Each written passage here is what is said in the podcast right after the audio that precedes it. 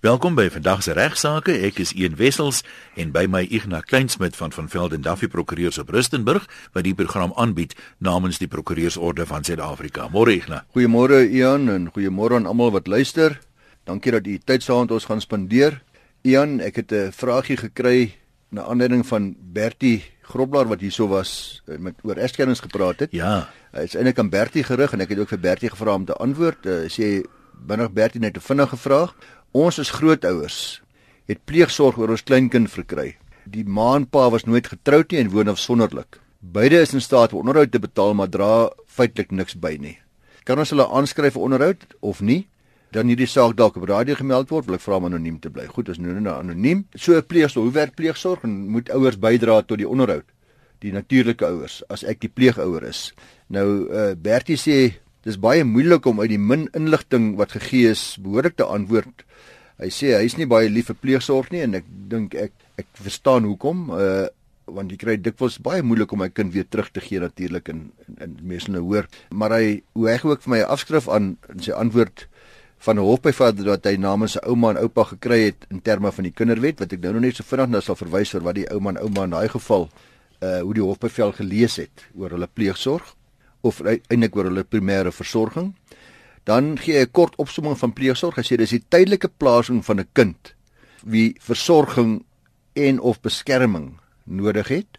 Die kind word geplaas in die sorg van 'n bevoegde persoon wie nie ook die ouer of voog van die kind is nie. En nou om te kon kwalifiseer as 'n pleegsorgkind, moet die kind jonger as 18 jaar wees of 'n uh, en of natuurlik verlate wees of agtergelaat word sonder enige sigbare versorging of optree op so 'n wyse dat beheer ontsê word aan die ouer of sorggewer van die kind. In ander woorde, die ouer of sorggewer is duidelik nie in staat om die kind behoorlik te versorg nie. 'n uh, straatkind wees of uh, of vir 'n lewe geldbedel wat jy dikwels kry of dwelmverslaaf wees aan 'n verslawing 'n uh, uh, verslawende uh, middel sonder enige ondersteuning wees, geen behandeling kry vir die verslawing nie of natuurlik ook seksueel misbruikte kinders of blootgestel daaraan. En dan sê hy uh, dit moet 'n risiko wees vir 'n kind om teruggeplaas te word in die sorg van die ouer, die voog of die sorggewer op daardie stadium of hy moet in 'n posisie van fisiese wanversorging wees. Met ander woorde, een of ander vorm van mishandeling, misbruik of minderwaardige geag word deur 'n ouer, 'n versorggewer uh en uh of 'n persoon wat die ouer verantwoordelikhede dra So as jy kan agterkom luister daar's 'n baie baie wye definisie, maar die kruks daarvan is maar 'n kind wat een of ander nood het, wat wat versorgingsnood het of kosnood het of uh, tuisteringsnood het. Dan as 'n pleegouer te kwalifiseer, moet jy 18 jaar of ouer wees. Ek dink eintlik heel wat ouer is 18 jaar, maar die wet sê 18 jaar of ouer. Jy moet natuurlik 'n geskikte en 'n aangewese persoon wees. Jy moet gewillig wees en veral in staat wees om die kind te kan versorg en jy moet in staat wees en dis 'n belangrike een om 'n aangewese en die aangewese het nou weer 'n ander definisie omgewing te verskaf vir die kind se opgroei en ontwikkeling. Nou jy kan slegs pleegsorg verskaf vir die tydperk soos deur die hofbevel aangetoon. Gewoonlik uh, ongeveer 2 jaar sê Bertie daarvan van Velden en Duffy en hy sê by die verstryking van sodanige tydperk mag die voorsittende beampte na hersiening van die aanbeveling van 'n sosiale werker die tydperk van die hofbevel verleng. So gewoonlik vir 'n jaar of 2 en dan kan dit weer hersien word, na keer dit dalk nou verleng word. En dis altyd die probleem met pleegsorg na 'n jaar of 2 word kry by kind en mense se harte in en dan moet dit weer herbeslin word. Jy moet hier dieselfde hel weer gaan om te besluit gaan die kind terug na ma of pa of waar ek nogal toe of uh, kan ek die kind behou. Nou pleegsorg fooie, ons kom nou by die onderhoud storie. Pleegsorg fooie word gewoonlik uitbetaal deur die staat totdat die kind 18 jaar oud word. Wat dit presies is, weet ek nie regtig nie. Dit hang ook af van geval tot geval en die behoeftes ensovoorts. Dit word dan ook gestaak wanneer die kind skool verlaat of 'n inkomste verdien wat die getabuleerde vermoë wat genoem is tabelle wat hulle het, dat dit oorskry. Indien eh, jy sou wens om 'n kind onder pleegsorg te neem, dan moet jy aansoek doen by die naaste departement van maatskaplike werk, sosiale welsyn. Jy kan dit ook doen by 'n geakkrediteerde kinderbeskermingsvereniging. Uh, baie van die verenigings in die stad of dorp is ook geakkrediteer om hierdie aansoeke te hanteer vir pleegsorg. Die sosiale of maatskaplike werker sal u sowel as die betrokke kind dan beoordeel, besoek en uh en sal dan 'n verslag saamstel. En hierdie verslag word dan voorgelê aan die kinderhof. Tesame met uh voorstelle daaromtrent deur hierdie opgeleide spesialis. Gegrond op hierdie maatskaplike werker se verslag kan die voorsitter beampte van die kinderhof dan bevind dat die kind 'n behoefte ondervind, sorgbehoevende kind is of 'n uh, beskermde behoevende kind is en uh, daar word dan 'n hofbevel uitgereik in gevolge waarvan die plasing van die kind in u as pleegouers se sorg dan ondersteun of goedgekeur word. Die hofbevel sal die name aandui van die pleegouer, die pleegkind en die tydperk van pleegsorg. Sodra hierdie bevel uitgereik is, dan kan u dan aansoek doen vir die toelaag vir die pleegsorg toelaag. Die kind mag ook daarvoor onthef word uh, om openbare skoolgelde byvoorbeeld te betaal. Dit wil so aswel as vir openbare gesondheidsdienste te betaal, geen bydraes hoegenaamd nie.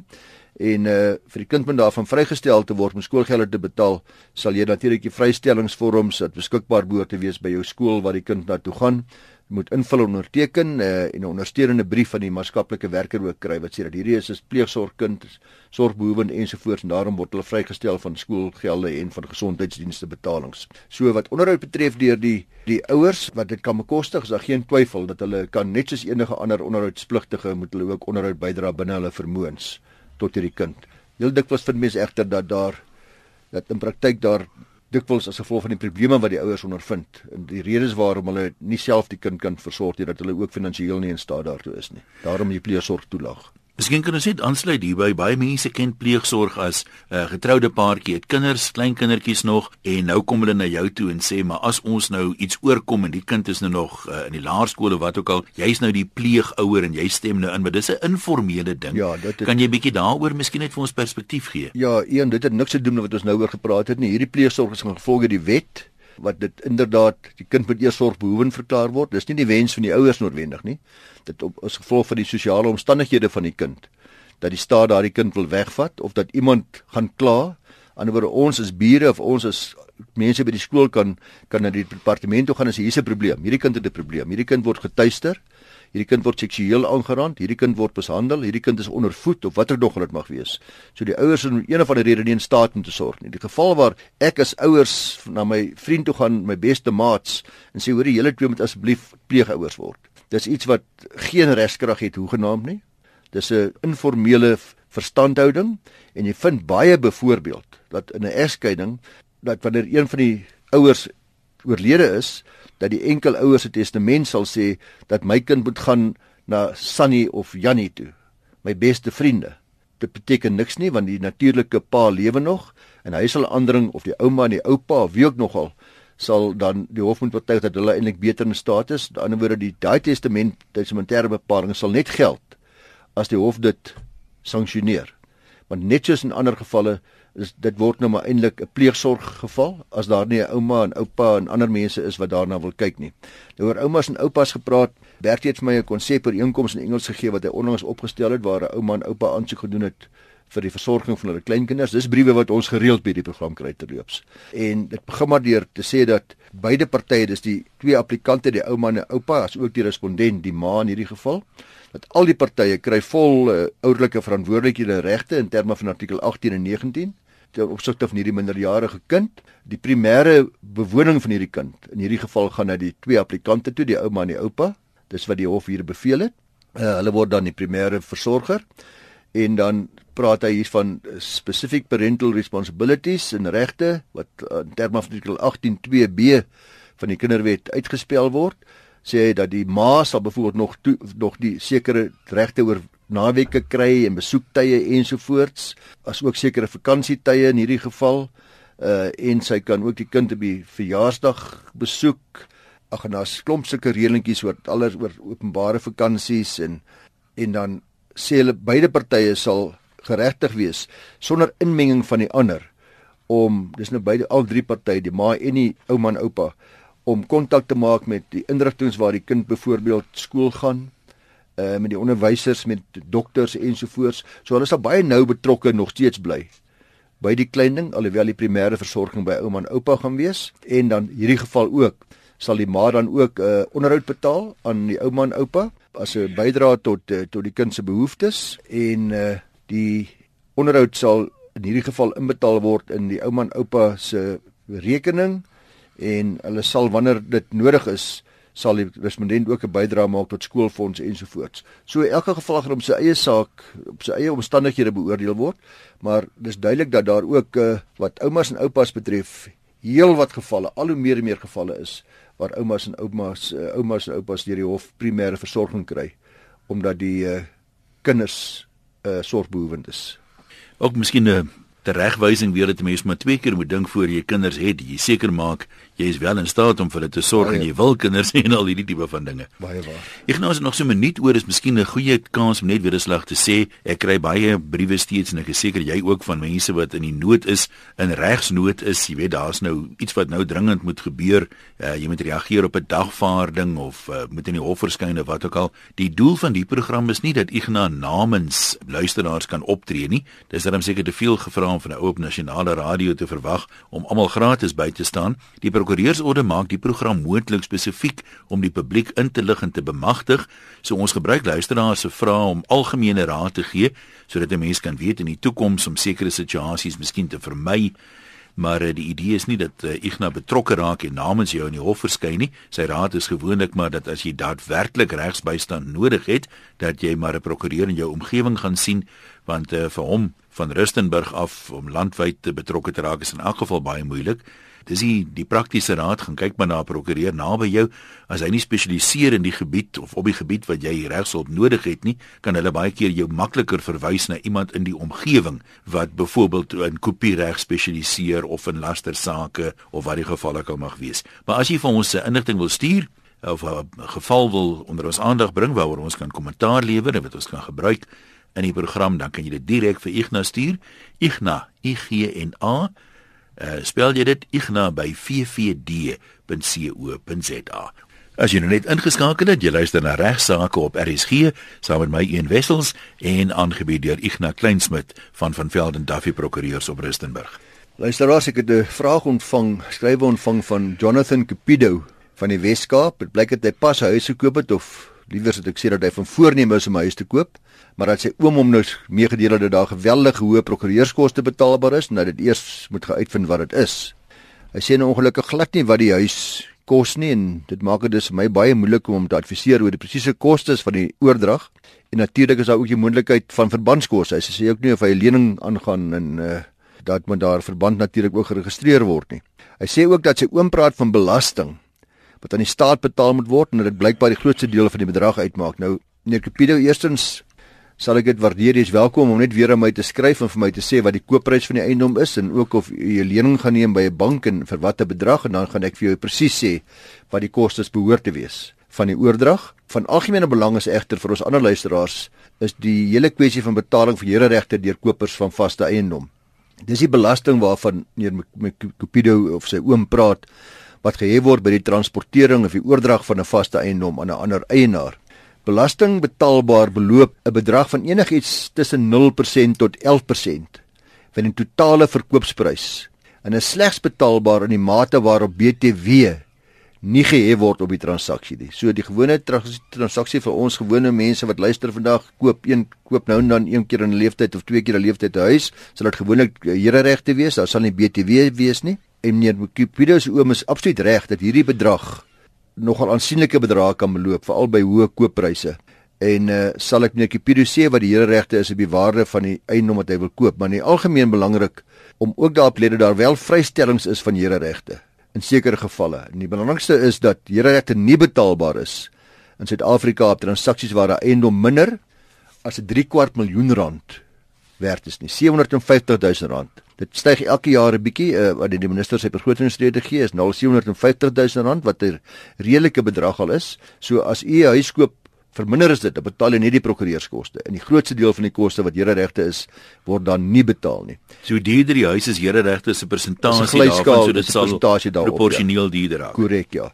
Dit is duidelik dat die goedkoper huise se kopers gesubsidieer word tot baie groot mate deur die duurder huise se se kopers dis ook nie betaalbaar hierdie regte as eiendom van een huweliksparty na 'n ander huweliksparty oorgedra word nie.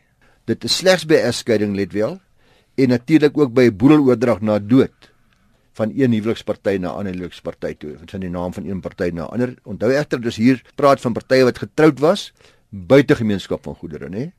Want uh, as hulle binne gemeenskap goed getroud was, dit wil sê elke party besit 'n halwe onverdeelde aandeel in die eiendom en dan vind dan boedel samesmelting plaas wanneer die een party te sterwe kom, dan sal daar wel hereregte ter sprake kom maar net op die deel van die eiendom, gewoonlik 50% wat aan die oorlewende huweliksparty behoort. 'n Ander belangrike vrystelling luisteraars is by boedels om daar ook nie hereregte betaalbaar is deur jou eiendom wat deur jou geërf word nie. Dit maak nie dis nie meer man of vrou nie, dis wie ook nog al die eiendom erf uh, daar's nie regte daarop betaalbaar as dit deur jou geërf word nie.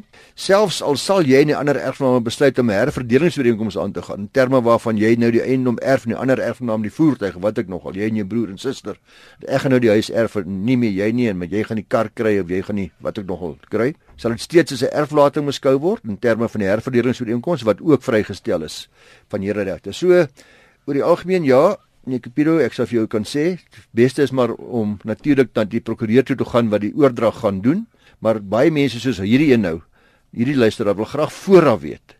Ek koop 'n huis vir 300 000 rand. Dit maak sin, 'n mens wil tog nie help nie, jy kan die ja. paaiement bekostig, maar jy het nie geld vir die goed nie. Maar niks verhoed u om en ek is seker van 99,9% van die prokureurs gaan dit vir u gratis doen om na 'n prokureur toe te gaan in die omgewing wat u in elk geval graag sou wou gaan gebruik het wanneer die transaksie plaasvind. Te gaan vra, hoorie, ek wil 'n huis koop van 500 000 rand of van 5 miljoen rand. Sê gee my aanduiding van wat die kostes gaan wees. En hulle sal dan vir u sê presies wat ek nou vandag vir u gesê het, maar hulle sal dan vir u baie meer feite kan gee oor die spesifieke geval. Ek herhaal dat uh ek pedo kom skryf na igna@igna@vvd.co.za.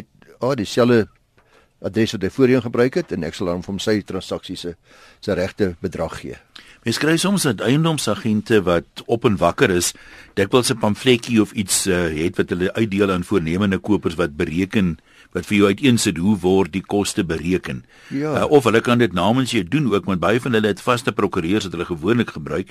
Nie almal doen dit nie, maar mense kan as jy via eiendomsagent koop kan 'n mens miskien vra hulle behoort vir jou ander ding te kan. Baie waar uh, een ons by van Vellen Duffy gee vir al ons al die eiendomsagente wat ons ken gee ons uitgedrukte dokument mooi gelamineer wat presies sê dis die here regte dis die verbandskoste so hulle kan vir u daai antwoord ook net so maklik gee. Ons het tyd vir nog een onderwerp vir vandag se program. Ian iemand het vir jou 'n briefie gestuur wat hy wat jy weer aan my gestuur het. Die dame vra nie om anoniem te bly nie, maar ek gaan dit tog anoniem hanteer. Sy skryf as volg: My seun en sy vrou is 8 maande gelede uitmekaar, maar is nog nie geskei nie. Uh deur die Hoërhof het my seun primêre toesig gekry oor hul 3-jarige dogtertjie.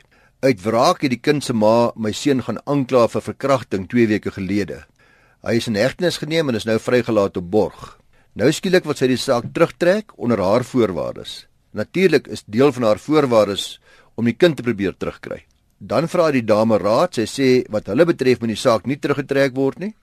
Hulle wil hof toe gaan sodat daar nie later gesê kan word dat haar seun nie meer geregtig is op primêre toesig van die kind nie. Hulle wil met ander woorde nie hier 'n deal, 'n ooreenkoms aangaan aan aanhalingstekens mm, mm. uh in gevolge waarvan die kind gekompromiteer word op 'n of ander wyse nie.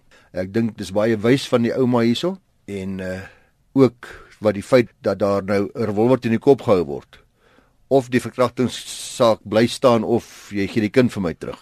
En dis nie noodwendig in belang van die kind nie. Ander faktore gaan 'n rol speel om te bepaal by wie die kind regtig moet wees. Nie dat die hof klaar daai bepaling gemaak, dis by die pa. Dit gebeur dikwels dat mense die strafproses gebruik uh, om wraak te neem of vir ander laakbare doeleindes en vind mense ook dikwels waar daar huweliksmoles is, dat daar oor en weer vals beskuldigings gemaak word in 'n poging om voordelige voorwaardes vir jouself af te dwing of bloot net om ander pryseer te maak omdat jy voel jy's te nagekom en jy's seer gemaak wees onbillik behandel. Nou ek moet net daarop wys dat die vraag of daar vervolg gaan word of nie nadat daar 'n klag gelê is by die SAP, nie binne die diskresie van die klaer of klaagster val nie, maar binne die diskresie van die nasionale vervolgingsgesag. Met ander woorde, die nasionale vervolgingsgesag en die SAP kan ek u verseker, haat dit om misbruik te word deur ander vir doeleindes anders as werklike misdaadbekamping. Dit kan ook dikwels gebeur dat die party wat valsklagtes lê, mettertyd hom of haarself in 'n hof bevind op 'n aanklag van regsverwydeling. Baie tyd en kostes word spandeer, ons betaal belasting. Ek kan nou prakties daarvan getuig, ek net jy kan gaan kyk by enige landroshof op 'n maandagooggend. Ja. Dan is daar gewoonlik 'n hele paar mense wat Vrydag aand of Saterdag klagtes gelê het van aanranding tot wat nie. Ja. Wat uh, jy weet nou is Maandagoggend, dis 'n nuwe week, mense is nugter en alles. Ja, nou kyk ja, jy ja. anders daarna, maar ek het altyd so jammer gewees vir die polisie wat daai verklaringe maar moet afneem ja. voor daai dossier nou by die staatsaanklaer kom wat kan sê nou maar ons trek die ding nou terug. En daar is aanklaers wat sê Nee, hulle trek dit nie terug nie. Hulle gaan juis dan aan met 'n regsveruitelingsklagte om dit te ontmoedig want iemand moet die boodskap kry. En as jy kyk na die wetgewing op gesinsgeweld en op tuistering en al die soort van dinge, dan is daar 'n diere in 'n plig op die SAP om alles te ondersoek, om nie self te besluit wat is die kaf en wat is die koring nie, want die versoeking soos jy sê is groot om self daai besluit te neem, maar jy moet ongelukkig deur die proses gaan. En dit is geweldig tydrowend. So luisteraars, die SAP se houding is dikwels dat weet wat, julle het ons nou gebruik en jammer. Ek gaan met hierdie klag voort, selfs waar dit nie vir wraak gelê is nie.